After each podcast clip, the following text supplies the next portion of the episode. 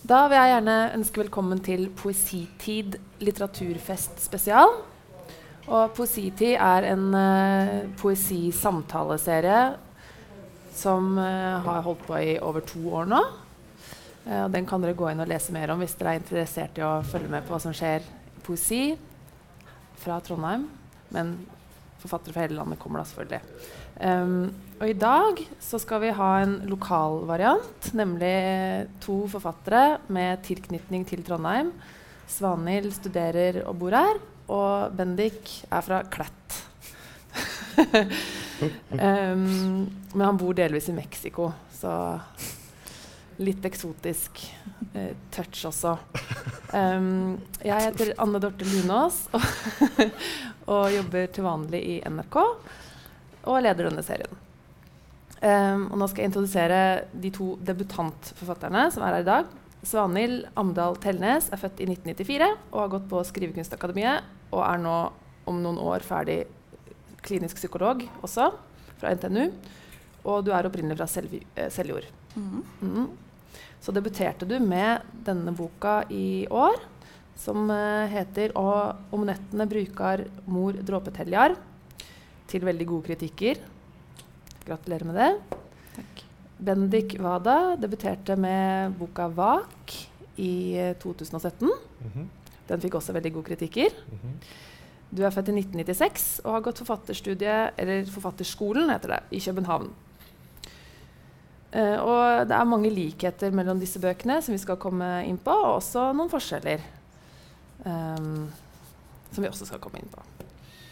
Men aller først, før vi skal høre dere lese litt, så lurer jeg jo på hvorfor dere valgte poesien, og ikke den litt mer lettere tilgjengelige prosaen. um, altså det er jo For meg er det veldig vanskelig å, å, si at det er et valg, for at det var noe man liksom tredde inn i med et ønske om å få uttrykt et eller annet. Uh, så det er jo veldig to forskjellige måter å tenke på og skrive på. Uh, og forholde seg til det man ønsker å skrive om. Uh, men det var mer for min del altså personlig så ga det veldig mening å skrive dikt fordi Nei, jeg kan heller begynne der. da, at Jeg, jeg gikk også på Nansen-skolen i Lillehammer. og der begynte jeg å skrive prosa, og, og dårlig sådan.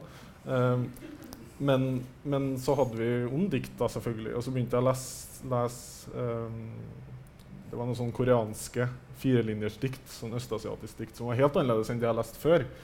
Um, som løsna litt i meg det at jeg skjønte tror jeg, mer at poesi handler mer om å oppleve eller om å være i enn å forstå. Og da løsna det litt i meg, og da ble den, den sjangeren mye mer tilgjengelig. Uh, og mye mer åpen, mye mer eksperimenterende. Mye, mye mer lov til det. Jeg ikke, trenger ikke å forholde meg til hvordan folk egentlig prater, eller prøve liksom bygge opp setninger som gir mening, eller whatever. Det handler om å liksom uttrykke noe, da. Og så prøve å se hva som skjer. på en måte. Så det, det passer meg bedre der og da, og det, det gjør det ennå. Gikk du mer inn i japansk poesi og ble inspirert av det? Eller hvor fant du inspirasjon fra? Nei, men da når jeg skjønte det, eller jeg vet ikke om det er noe jeg har skjønt, men når jeg gjorde det, så um, klarte jeg å gå inn i poesien generelt. Mm. Og jeg klarte å skrive poesi generelt. Uh, det ga egentlig bare mening, for jeg ga meg ikke så mye pass fordi jeg ikke forsto hva liksom Paul Celan drev og holdt på med. det går liksom fint at jeg ikke forstår det. Uh, det handler ikke om det heller. Uh, det handler ikke om å forstå det. Det handler om å oppleve og ta ut det man får til å ta ut der og da. Mm. Mm. Hva med deg, Svanhild? Um, ja. Jeg òg eh, har jo gått på skriveskole og uh, har skrevet begge deler, egentlig. Uh, likte veldig godt å prøve å Eller jeg hadde skrevet mest dikt fra når jeg var ung, da. Eller ung, jeg er ung fremdeles. Det sier jeg alltid. Jeg er fremdeles ung. Når jeg var yngre, uh, når jeg var sånn 14-15, da skrev jeg masse dikt. Uh, og så slutta jeg litt med det på videregående når andre ting var kult. Og så eh, kom det litt tilbake i løpet av skrivetida eh, på, i Bergen. Eh, men jeg, poenget mitt var egentlig at det var litt motsatt vei. For jeg eh, opplevde det å liksom prøve meg på prosa og skjønne at det går jo òg an. Jeg hadde liksom tenkt det får jeg aldri i verden til. Jeg kan bare skrive sånne små linjer som er korte og billedlige, liksom. Jeg kan aldri klare å planlegge en roman. Um, og så fikk, var det veldig gøy å skrive prosa. Så jeg tenker egentlig at jeg liksom ikke har valgt, da. At jeg driver med det òg parallelt. Uh, men grunnen til at det her ble dikt, er Altså, jeg syns at det passer til den formen. Det var noen som spurte meg hvorfor skriver du ikke bare en oppvekstroman. Det her er jo, du har jo masse stoff imellom bildene her som du kan skrive det ut og gjøre de utroverdige. Men jeg syns det var liksom litt av poenget, da, at det skulle være glimt. Mm. Eh, og da passer poesien veldig godt. At du får liksom bare et snapshot ganske Da hørtes det nesten ut som at uh, historien kom først, og så kom formen etterpå. Var det sånn? At du visste at du ville fortelle denne historien, og så Eh, nei, dessverre. Det hadde vært veldig fint å føle det, at det her skal fram. Ja. Men uh, det begynte jeg, jeg, skrev masse historier. Egentlig mange historier om familier. da. Så det visste jeg at jeg, det er liksom dit jeg blir dratt hver gang. Jeg prøver hele tida å skrive noe annet enn familie, og det går ikke. Um, så det begynner med masse forskjellige linjer. Kanskje sånn ti forskjellige familier og familiedynamikker. Og så ble det ganske sånn kaotisk. Da, for når du las det som etter hvert begynner å ligne på et manus med ti forskjellige familier, så visste du aldri om den mora du las som på den sida, var den du kom til å møte om fem sider. Mm. Eh, sammen med at uh, de andre størrelsene. Da. Så da fant jeg ut at enten så må jeg skille de så mye at det er ikke noe å si om det er den samme mora eller faren eller broren. Eller så må jeg velge, da. Og da valgte jeg en av linjene, på en måte. Mm. Og da var det den her som ja, var mest kjentes mest uh, spennende. Da, ja. Vi skal snart høre deg lese litt. Det er jo en mm. ganske dysfunksjonell familie, som Veldig. man sier på uh, fint, eller fagspråk, liksom. uh, man møter her. Og ganske en barndom som det sies vel rett ut i et av diktene at uh, 'Helveteshuset'. Uh, så alt annet enn en bra barndom, som også får konsekvenser for uh, det jeg som forteller her som voksen. da. Mm. Hvor mye har du brukt av psykologutdannelsen din i å skrive en Det er jo en psykologisk fortelling, på en måte. Mm, ja, definitivt. Jeg vet ikke så mye av utdanninga jeg har brukt, nødvendigvis. Men interessene mine er jo de samme som har ført meg inn i det her stoffet. Eller det at jeg syns det her er så både viktig og spennende og ja, helt jævlig, da. Det er jo, det er liksom, det er jo et eller annet som brenner. Uh, og det er både at jeg har valgt å jobbe med det, for at jeg gjerne vil kunne eh, bidra med et eller annet på det her feltet. Der så mange familier og unger, kanskje spesielt, da, mm. eh, trenger at noen ser dem. Eh, så konkret fra utdanninga altså, En leser jo om det og blir jo på en måte Den er jo psykologisk troverdig, da. Så ja. det er sikkert noen mekanismer du har Jeg vet ikke det kan være. Du har lært på skolen eller lest om det, eller ja. ja. Det, mm. det, er jo fint at det på en måte fletter seg inn. Man skulle jo unngå det, tenker jeg. Ja, så, man vet jo det man vet. Ja. mm. Det hadde vært veldig rart hvis en bare la fra seg ja, Så du sa noe som ikke stemte, eller så, ja. som ikke du hadde ja. liksom opparbeida Det var jeg ganske redd for når jeg skulle gi den ut og visste liksom at eh, nå skal det stå at jeg jo studerer til å bli psykolog. Så var jeg litt slik OK, tenk hvis folk sier det der stemmer ikke sånn, han ikke å ha opplevd et traume. Altså sånn eh, ja. Da kan du si at traume er forskjellig fra person til person, har jeg lært. Ja, mm. det er helt sant. Mm. Uh, jeg vil gjerne høre deg lese litt. Så mm. vi får um, Det er jo flere deler, og den første delen er fra barndommen. Og den er veldig spartansk, veldig korte dikt. Og så blir det mer og mer tekst etter hvert som vi går framover. Mm. Hvorfor ble det sånn? Um, jeg spør jeg om ting som du kanskje ja. ikke du nødvendigvis har tenkt over? Nei, dette har jeg ikke tenkt på, vet du. Uh, vet du det har jeg ikke noe godt svar på. Uh, det var jo kanskje en måte å liksom lage bare et riss i starten, og så tenke at det fyller seg inn gradvis dess mer. For det er tenkt som ei fortelling, da, altså at hun forteller det til en mann som hun møter i voksen alder. Det handler om Anna, mm. og hun møter da en mann som heter Jakob eh, og forteller om denne barndommen. da. Eh, han er du i boka. Han er du, ja. Du er også du i boka di. Det kommer vi tilbake til. Mm. Eh, ja. Jeg tror ikke det er så mye mer enn det. At det er jo naturlig at det kommer litt sånn gradvis, kanskje. At liksom ikke eh, Hei, skal vi gå på date, og så kommer liksom hele helveteshuset på første. Um, ja. Jeg tror kanskje det Ja, er men det var den en god beste forklaring. forklaringa. Mm. Vær så god. Takk. Eg dreg dit saltet i såra mine vart vunnet ut. Til huset ved havet. Fokus på treverket. Panelet i gangen. Trappetrinnet med hakk i. Gående rundt i det gamle huset jeg fyller ei flis med fingeren. Hell rundt bærebjelkene på loftet. Vil ikke drømme om hva denne heimen kunne romma.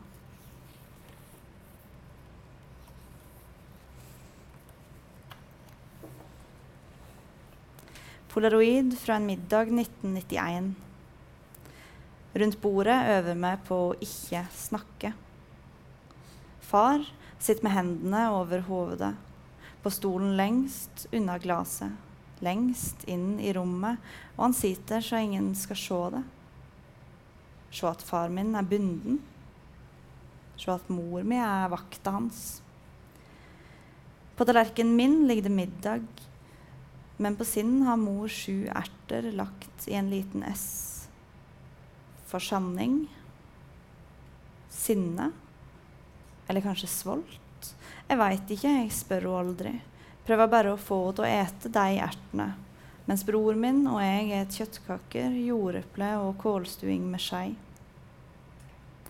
Far skal ikke ha noe, for av og til et halvt jordeple eller tre-fire erter, og han er så mjuk i blikket når han fyller kjøttkakebitene med øynene fra fatet og inn i munnen min, ned svelget, og jeg tror han ville stupt etter om han fikk sjansen.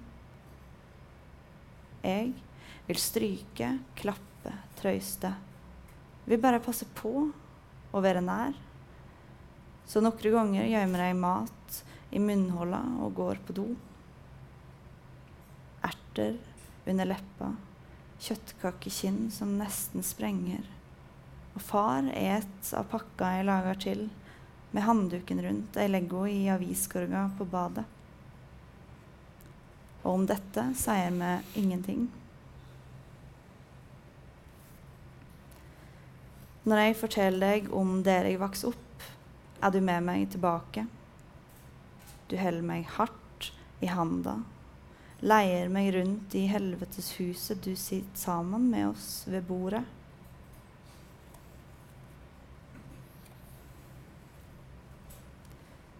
I Firenze kjøper far en morter av grå granitt.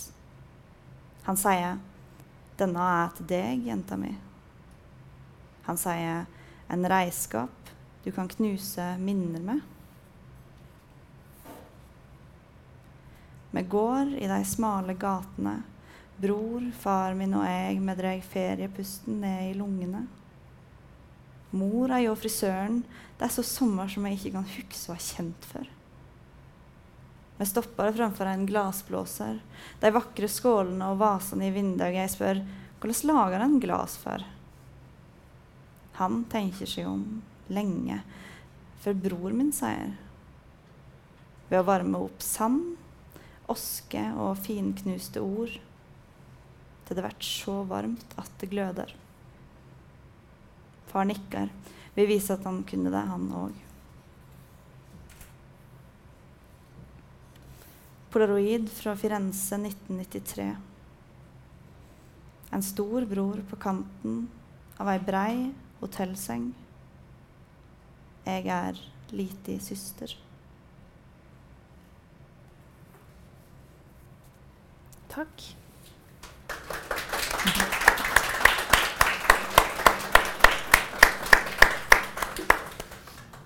Det som kommer veldig tydelig fram i denne boka, er jo at en oppvekst Eller hvordan en ødeleggende oppvekst ødelegger eh, livet senere da, til jeg-personen. At det faktisk er en Og her er det jo også en metaforisk sammenheng, for du bruker de samme Det er aske som, og glass eh, som går igjen.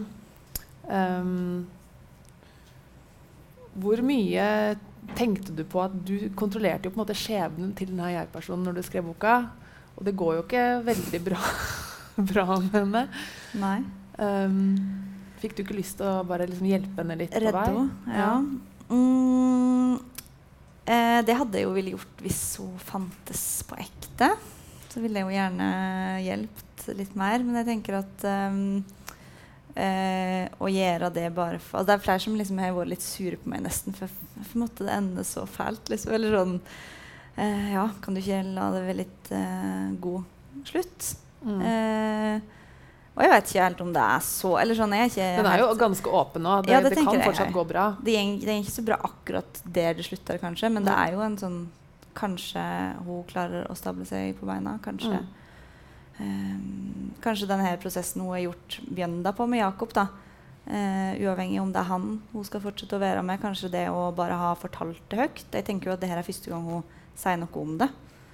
Eh, kanskje altså, ja, 15-20 år etter Mm. at det faktisk skjedde. Jeg tenker jo at hun var ganske voksen her.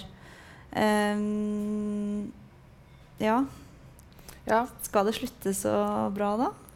Nei. Jeg tenker Det, det passer litt med, med det du For du hadde jo et arrangement tidligere i dag hvor du Mhm. snakka om litteratur og psykisk helse. Mm. Men også snakka om at det, det handler liksom ikke om å, å forholde seg til den dualismen eller den, de to sidene liksom frisk og, frisk og syk. Eller sånn. Mm. Det handler jo kanskje om å finne ut å leve med det. Og da liksom, det Mhm. liksom, det dreier seg ikke om normale narratologiske grep. da, At det liksom går Mhm. bra eller dårlig. tenker jeg. At det handler om en Hun driver jo med det. Her tenker jeg da og prøver å leve med det.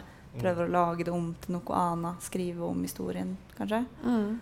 Um, mm. Ja. ja. Men vi håper at det går bra med henne etter boka, da. Ja. Um, Bendik, Mhm. diktene dine er, jeg kan jo vise det fram til de som ikke har lest det. Er, de er veldig Det er, kort, de er korte. Mhm. Det er bare litt tekst på hver side. Mhm. Hvor mye har du strøket før det var dette som ble igjen? Eh, jeg har ikke noe tall på det, men, men, men det er klart det handler om å stryke mest mulig. Uh, det har det. Uh, det er liksom utskrivning, og så stryking, og så utskrivning og stryking, og skrive nye dikt og sette dem sammen på nye måter. Men det har alltid vært liksom fra helt fra starten av ideen om at formen skal være veldig veldig knapp. Og det er jo liksom fra det østasiatiske og, og haikus og alt mulig. At man liksom skal la stillheten sitte i diktene. Og det har Mm. alltid vært en idé der, da. Eh, Så da sitter du, du sitter ikke da kjempelenge før du skriver ett ord, og så sitter du og tenker og skriver neste. Du skriver masse, og så går det over og stryker alt overflødig etterpå. Ja, men liksom, det har en sånn kjerne, da. Alle all diktene har en kjerne når jeg skriver. um, at det springer ut fra et eller annet. Uh, og så prøver man liksom å arbeide rundt det, da, og skrive ut, og så stryke. Men det starter liksom alltid med en sånn grunn, grunnstruktur. Eh, og så ja, rett og slett prøve å stryke mest mulig ut fra den grunnstrukturen. Da, liksom, la det gå en vei, nei, men stryk andre veien, og så la det gå en annen vei. Eh, men prøve å se hva som fungerer best ut ifra den følelsen eller anelsen man, man, man, man satte i gang med. det. Ja, For du vet ikke alltid hva du har skrevet. Nei, det er veldig følelsesbasert. eller veldig sånn anelse, eller Det er jo et poetisk håndverk da, selvfølgelig som må gjøres. og Hvor skal liksom rytmen være, og hvor skal, hva er det, hvilke ord er det som skal ta oppmerksomhet? og Det må ikke være for tungt, og det må ikke være for lett, og det skal liksom flyte. så det er, jo, det er jo det også, eh, men det er helt klart at det springer ut fra en følelse av et eller annet, at det er noe som skal stemme, eh, som sitter der. Og det vet ikke helt hvordan skjer, da, men det dreier seg om å skrive veldig masse og sette dem inn i nye sammenhenger. Og, og så bryte opp dikt som er allerede skrevet, og sette sammen på nytt også. Altså Mm. Sette strofer sammen på nye konsultasjoner og flytte på linjer. Veldig sånn, veldig sånn klipp og lim-aktig arbeid på den måten, altså. Mm. Men vi møter en jeg-forteller og et du mm. som er på ei hytte i skogen med Mhm. myrer og trær rundt. Eh, når du skrev på dette prosjektet, var det sånn at du var i den liksom innenfor den ramma hele tiden? At eh, der er det et par i skogen, da skriver jeg ut fra det? liksom. Så det var ikke sånn at plutselig så kom det inn helt andre ting. Så kom det en mann gående. eller sånn. Du lot ikke det skje, liksom? Um, nei, altså, jeg fant jo ut at, at det var jo flere her i Trondheim som skrev på, på trøndersk. Eh, og det valgte jeg jo Den jeg skrev på trønderdialekt. da. Eh, og da må man med en gang forholde seg til det. Og med en gang man er inne i den trøndersken, i hvert fall her, da, så var det helt klart, helt, helt klart hvilket landskap man er rundt. Og det er jo altså, hele barndomslandskapet opp til et, et tidspunkt hvor man kanskje drar litt andre veier, men man har jo liksom beveget seg rundt i det her området og i denne naturen. Så det var alltid en idé om hvor jeg skulle gå hen. Klett, med andre ord. Ikke, Nei, jeg har vært utafor Klett òg, da. Okay. Klettinga drar utafor Klett. Altså, de, er, de, er, ikke så veldig så lokalpatriotisk at de ikke klarer å dra til byen, liksom. Nei, men jeg var, jeg var nord for byen òg. Jeg var ikke bare på sørsida. men nei, det er barndomslandskapene barndoms eh, da, fra, fra, skogene i Trøndelag. Mm. kan man si. Det, det, handler om geografisk forankring. Da. Det gjør jo klart det. Når man skriver på trøndersk, så, så vet man ofte hvor man er. Eh, man, man, får det ganske jeg vet ikke om man kan si gratis, men man kan få det gratis. For uansett, Hvis du har et jeg, uansett om det er dikt, så vil det jo alltid være et sted. Det vil være en som sier noe fra et sted. Mm. Og det er jo veldig, det er jo en prosaisk greie også, men det kommer alltid til å være der. Det kommer alltid til å være et jeg der, og det jeget må eksistere. da. Og det, det etablerte seg der. Eh, men det var med landskapet som eksisterte Eller jeget var jo i landskapet. De var liksom samme greia. da. Et jeg i det her landskapet. Eh, som også Ja. ja. Men du skrev det i København? Eller mens du gikk på skolen? Jeg skrev mesteparten mens jeg gikk i Lillehammer, eh, på Nansenskolen. Eh, det er også natur, så det liksom hjalp Eller det var ikke noe galt å sitte nei, nei. Uh, men ja, mesteparten er skrevet i Lillehammer og, og, litt i København. Og her, da. Skjønte de København trøndersken? nei. Nei? De, de, gjør jo ikke det. Uh, de gjør ikke, jeg må forklare. altså må liksom ha ordliste og alt mulig for dem. da. Uh, så, så Uh, nei, de, de, gjør ikke det. altså det. Men det kommer litt på samme, da, for de er jo ikke vant til dialektale forskjeller i hele tatt i Danmark. ikke sant? Altså der er det riksdansk, om man forholder seg til det. Så, men om jeg skriver på nynorsk, så hadde jo det vært det samme for dem. altså Det er jo kaudervelsk ja. uansett. Altså virkelig.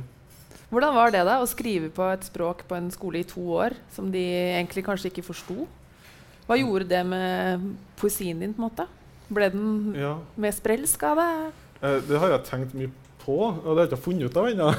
For det er et veldig godt poeng, det der hva som skjer da når, når du er nødt til å insistere mot noe, eller no, no, hvor noe ikke kommer automatisk, som kommer automatisk når jeg er hjemme. Um, og det er jo, Man hører på musikken i det. Det gjør jo dem også, som jeg forklarer det. Og da blir jeg jo nødt til å liksom, tvinge dem til å, de blir nødt til å definere det jeg holder på med sjøl.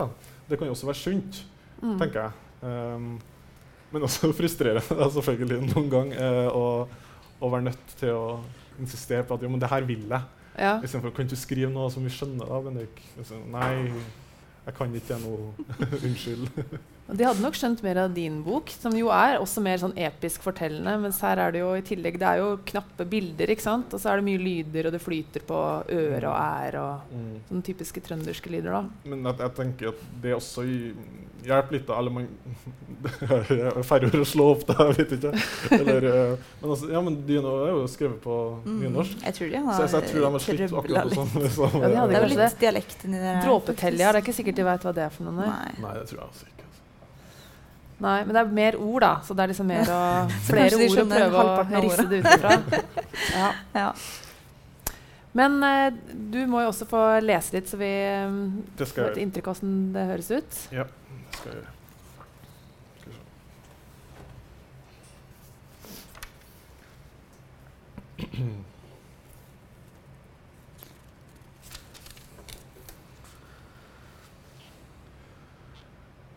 Jeg glir flere mil etter vann. Jeg reiser ei hytte på tre dager. Jeg fær ikke før brønnen er gravd.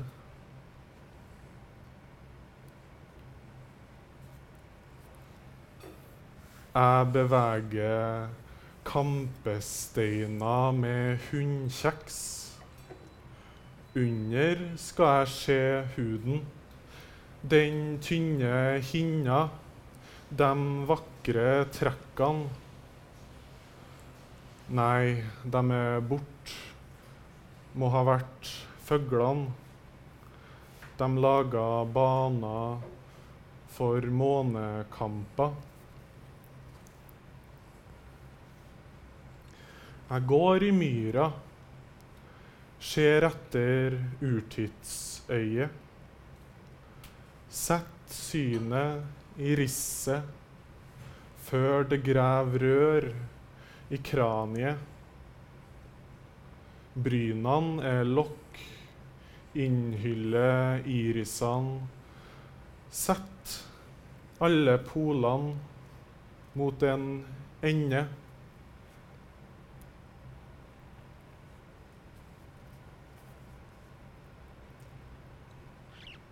Jeg sutter på inntørka rognebær. Dyr i torva forteller meg at jeg skal lytte til skjørheten. Skrittene lager egne ras.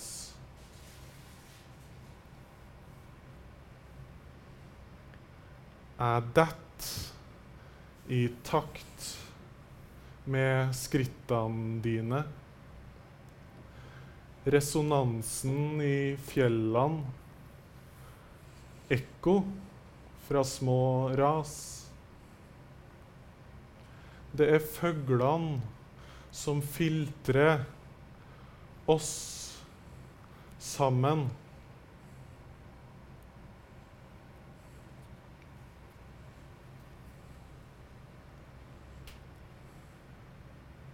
Jeg bøyer buskene til side for å se meg sjøl.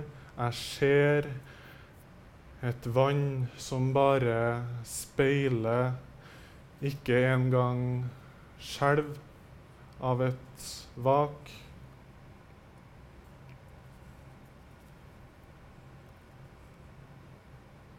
Jeg må over. Brua klamrer seg til veggene langs elva. Skal jeg gå over? Skal jeg heve halsen? Skal jeg mumle mellom? Skal jeg heller snu?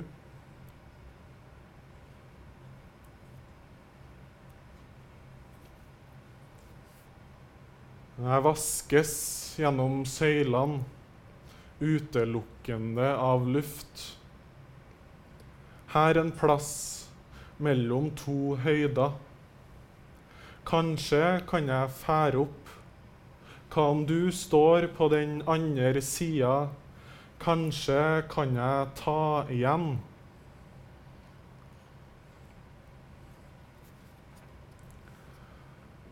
Tilbake kryper jeg, tvinger meg i le. Tynne trær uten luft antyder beiteområdet mitt. Ser du meg bak trærne? Jeg må fylles med friskt gress. Fyll meg, gjeter.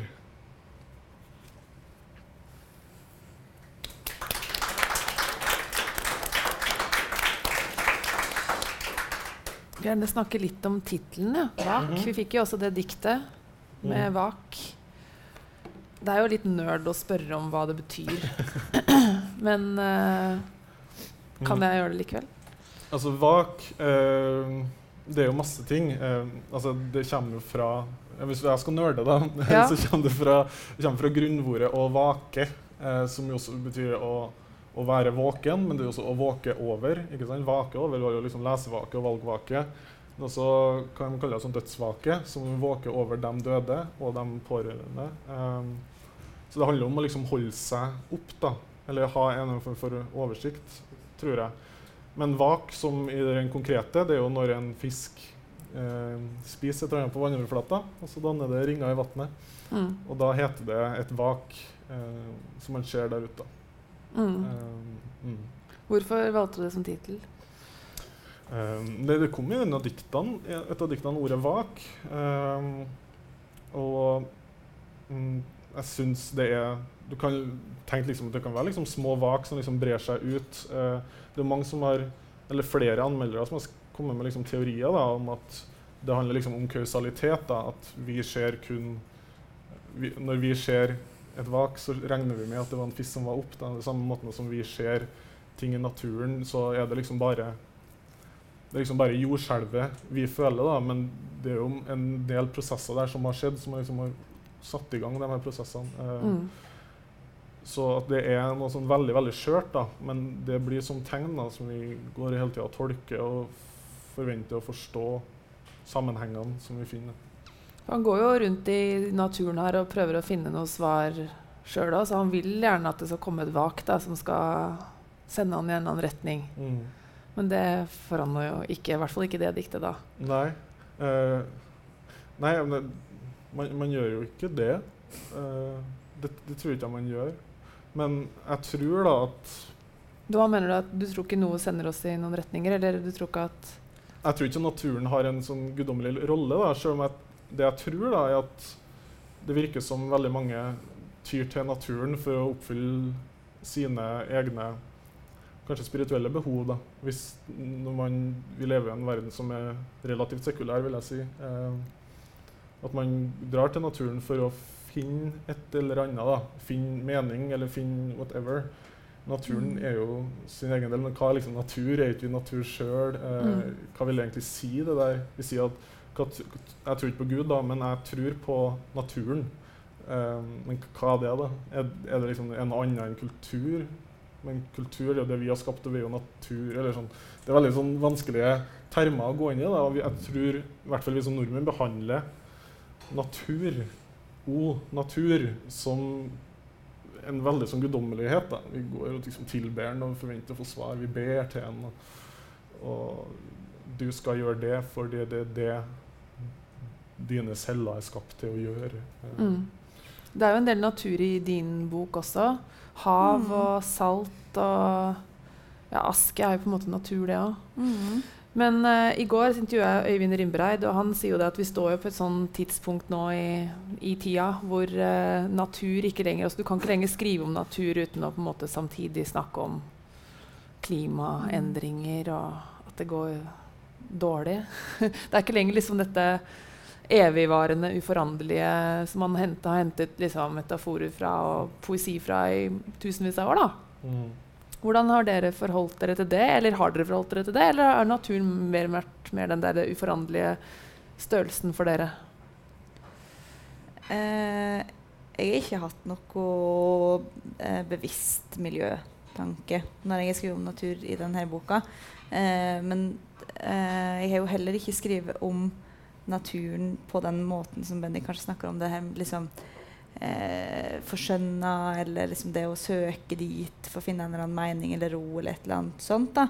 Jeg har jo brukt, brukt det som eh, deler av metaforene som egentlig bare skulle fortelle historien. Mm. på en måte, Eller skulle fortelle eh, ja, hvordan hun prøvde å få ting til å henge sammen. da. Mm. Og, og det er Bjørke, Bjørkespiret. Hun ja. altså det er en spire ute i hagen som er henne, og så ja. bjørk i brystet. Ja, det er mye ting mm. som gror. Det er masse treverk. Mm. Det er det. Eh, både i ho og i huset og eh, ja, sitte ved bordet og altså, ja. ja. Sånn sett er jo naturen til stede, men den er den jo på en måte alltid. Mm. Så det er liksom, ja. Jeg tenker at det er ikke miljøforandringene som dreper den bjørka. Nei, det er nei, vel kanskje det er andre mennesker, trøbbel i familien. Men du har jo da eh, vært mye i Danmark ja. med naturdiktene dine, og det, det, henger jo de seg veldig opp i. Ja, altså der er jo der er jo jeg ikke poet, jeg er økopoet. Um, og hva er, hva er, det egentlig i dansk sammenheng? Nei, gudene vet, altså. Uh, virkelig. Jeg, jeg, tror økopoesi Det er en tydelig måte å prøve å forholde seg til naturen som noe. da, fordi at Danmark har en helt annen, tror jeg da, har en helt annen forhold til kultur som noe som er utenfor naturen, det er bedre enn naturen. Det er bedre enn det barbariske, det er det sofistikerte.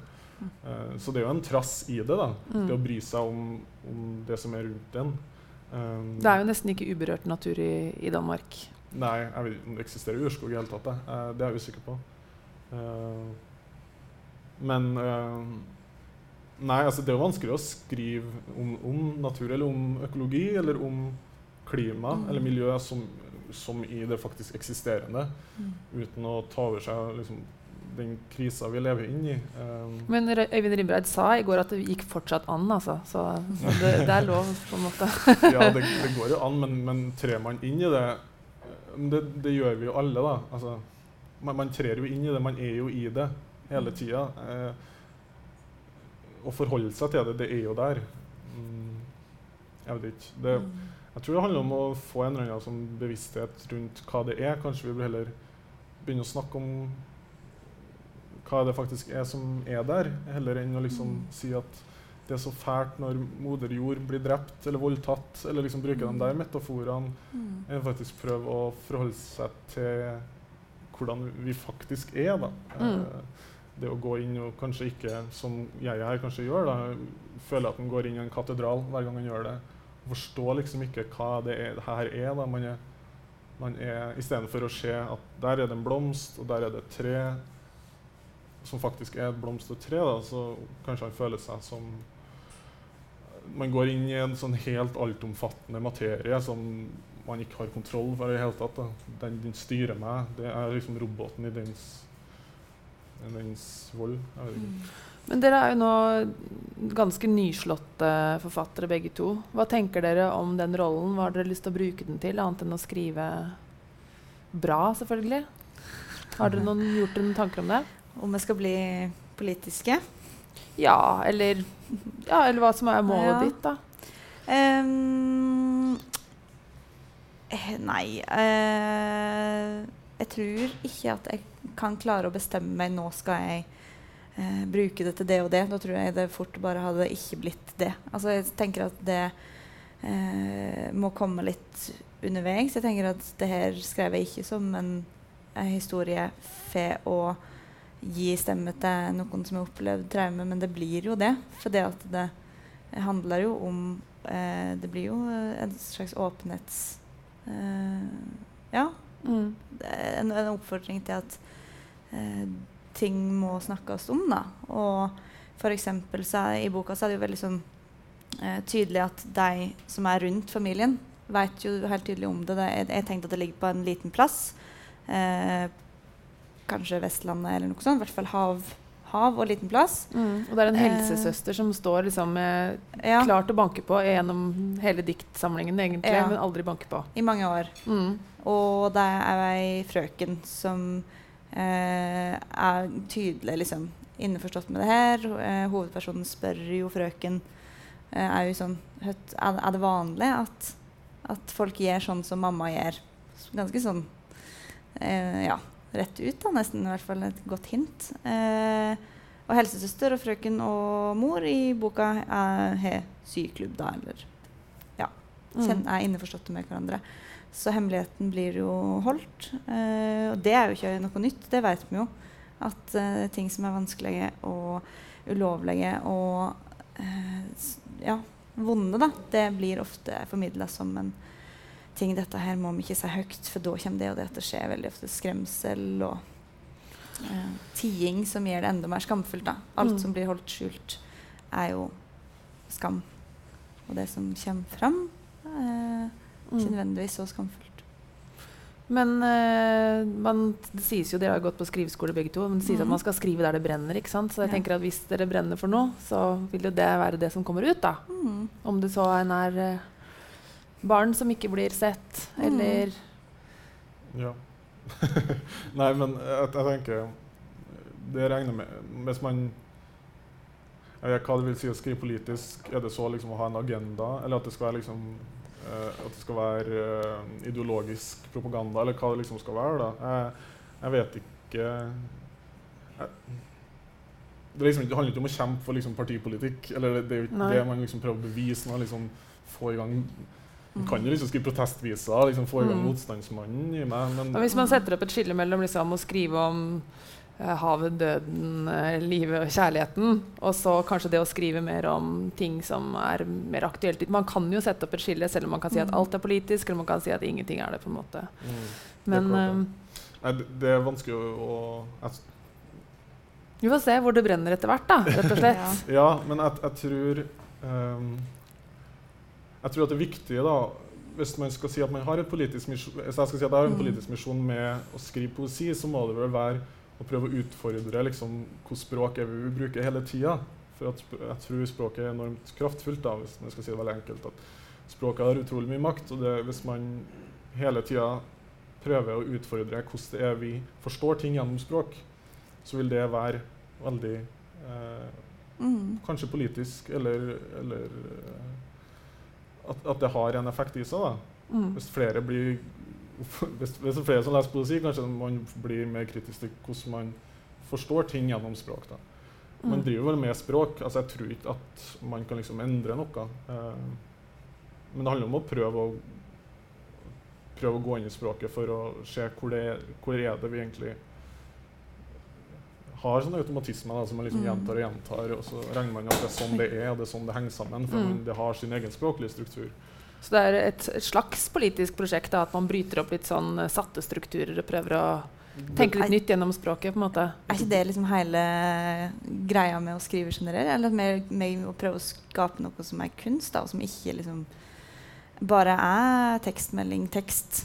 Noe som du ikke bare pløyer gjennom, men som gjør at du må stoppe, og som gjør at du er nødt til å tenke annerledes. Og den, ja, det vrenger på et eller annet automatisk. Mm. Um, det er sånn jeg har tenkt. At jeg vil ikke at det skal bare fordøyes. Altså, at det bare skal gå gjennom deg og ikke sette et eneste spor. Sånn Mm. som reklametekst eller altså liksom Mm. tekst som ja, Mm. kanskje Reklametekst var egentlig et veldig dårlig eksempel, for det skal jo sette spor og få deg til å kjøpe Det den skal ikke være manipulerende. tannkremen. Nei. Det skal Ja. det. Skal det til å stoppe, Mm. kanskje mest. Men det bringer meg jo til neste punkt på mitt program, som var eh, signatur. Så når man skriver, så altså Det blir jo veldig tydelig etter hvert at dere har deres egne stemmer. disse Mm. bøkene. Altså, nå har dere bare én bok foreløpig. Det kan at det blir noe helt annet neste gangen. Men uh, går det an å si noen ting om hvordan man finner sin egen stemme?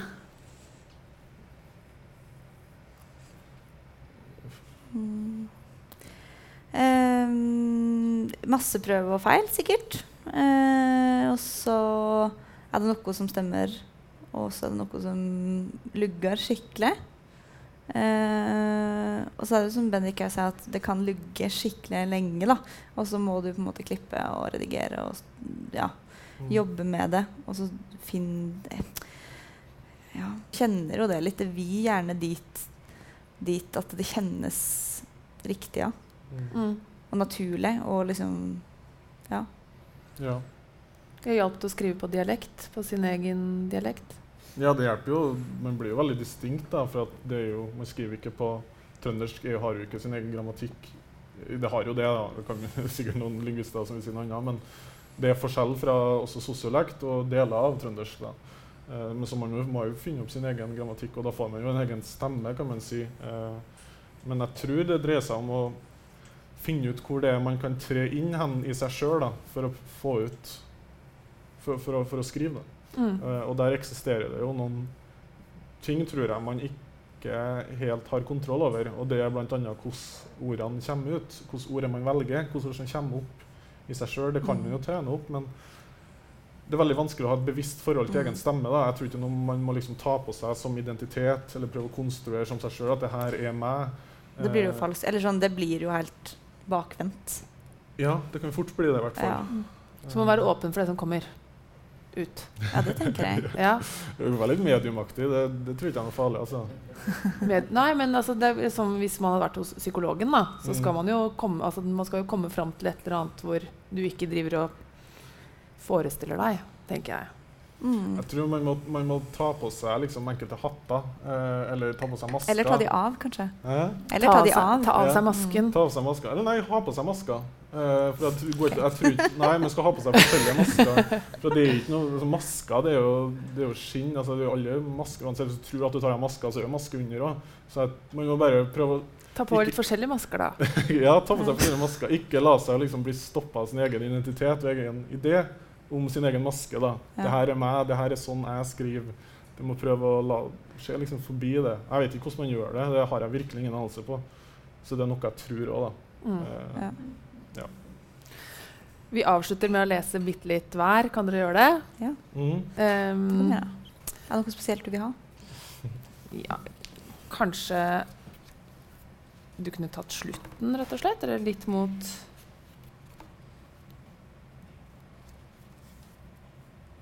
hmm. Velg selv, Velg selv. Hva, hva du syns er en god avslutning. Mm. Hva Har dere lyst til å dele noen ting om hva dere holder på med nå, da? Skrivingmessig? Skriving-messig? Ja. Eh, skrivemessig Ja, men jeg, jeg skriver, da. Ja. uh, nei, jeg prøver å utforske hva- hva poesien er. Uh, Eh, les masse. Lære seg lese poesi utafor Norge, utafor uh, Skandinavia, og prøve å liksom ta inn over seg uh, hva er liksom poesiens eller hvordan er det andre gjør det. da. Uh, og hvorfor det har vært så viktig i alle generasjoner, for alle, mener alle ja, deler av verden i så mange tusen år. Altså, det er en veldig naturlig ting for mennesket tror jeg, å gjøre. Da. Det har alle gjort hele tida. Hvorfor det? Hva er det i det? Mm. Nei, bare hold på liksom, og skriv. Det er det jeg driver med. Mm. Eh, ja. Jeg skulle ønske jeg skrev mer enn jeg gjorde. Det er jo sikkert òg et sånn standardsvar. Men driver du ikke og blir psykolog samtidig, da? Jeg da. Jeg gjør jo det. Ja. Så jeg skriver jo veldig masse der nå. Om, eh, om den ekte versjonen, egentlig, av det her, nesten. Eh, så jeg, ja, det har vært mye fag i høst. Og så får vi se til neste år. Ja. Så jeg pusler litt innimellom, jeg gjør det. Men det er ikke noe, noe veldig retning. Kan Bendik begynne å lese denne gangen, så skal vi snart runde av. Da leser jeg fra slutten av boka. Um, ja.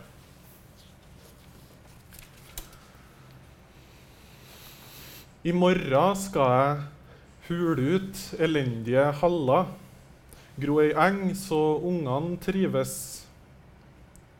Hvor er du fra? Helt til slutt.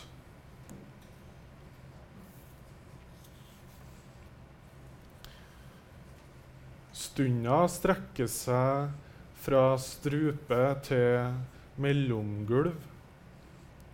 Her setter strengene seg fast til alt. Jeg snubler, og i fall lever jeg lyset, lukta og ånden som kommer fra et hovent øye. Pulsen i ånden, et trykkvis røyksignal. Du ba meg se utover. Resonansen var ultimat, ødelagt.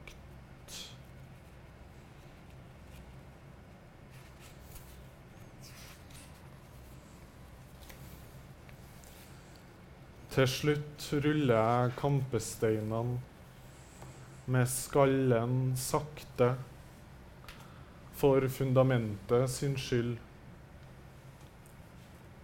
Dønningene holder rundt seg sjøl.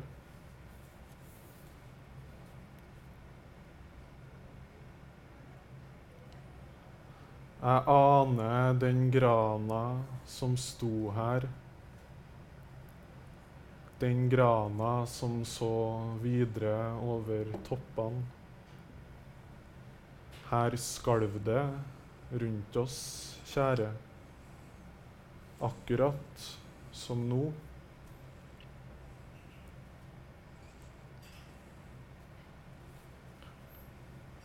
Jeg murer et sfæretak mellom buskekvistene. Øyet, pikken og adamseplet brenner stillferdig her i ly. Takk.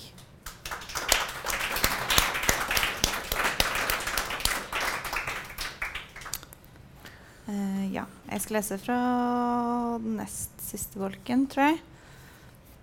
Hvor er vi i eh, I Er det tilbakeblikk? Storyen. Det er tilbakeblikk. Eh, som en sånn gjenganger så kommer mange av tilbakeblikkene som polaroid. Eh, jeg er jo et dikt om at hun bevisst prøver å huske minner som bilde.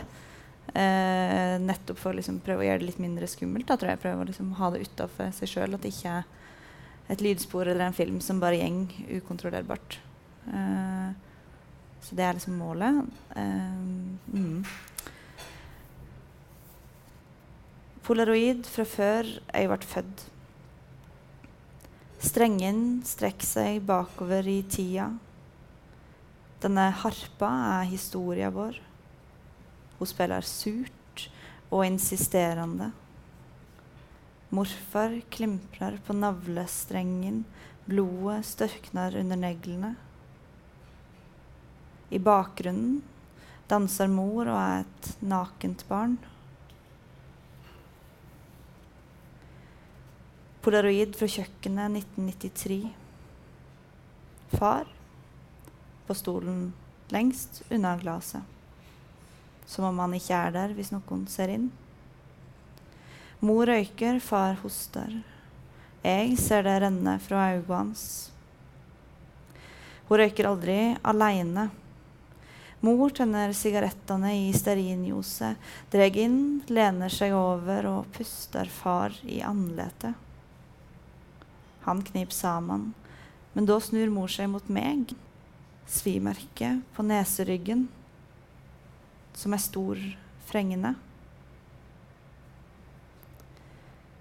Kan handa mi noe anna enn vold?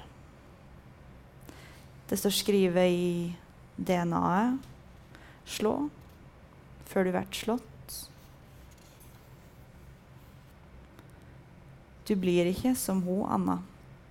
Mor di fins ikke lenger. Du er alt hun aldri var. Men jeg har kjent slekters gang gripe meg rundt håndledda. Har tenkt la dette juletreverset være over, så jeg kan få hendene mine tilbake. I gangen utafor do står det stabla papperser oppetter veggen. De hvite bokstavene mot rød grunn. Jeg leser Colgate og syns ordet er rart. Spør far om det, men han vil ikke svare.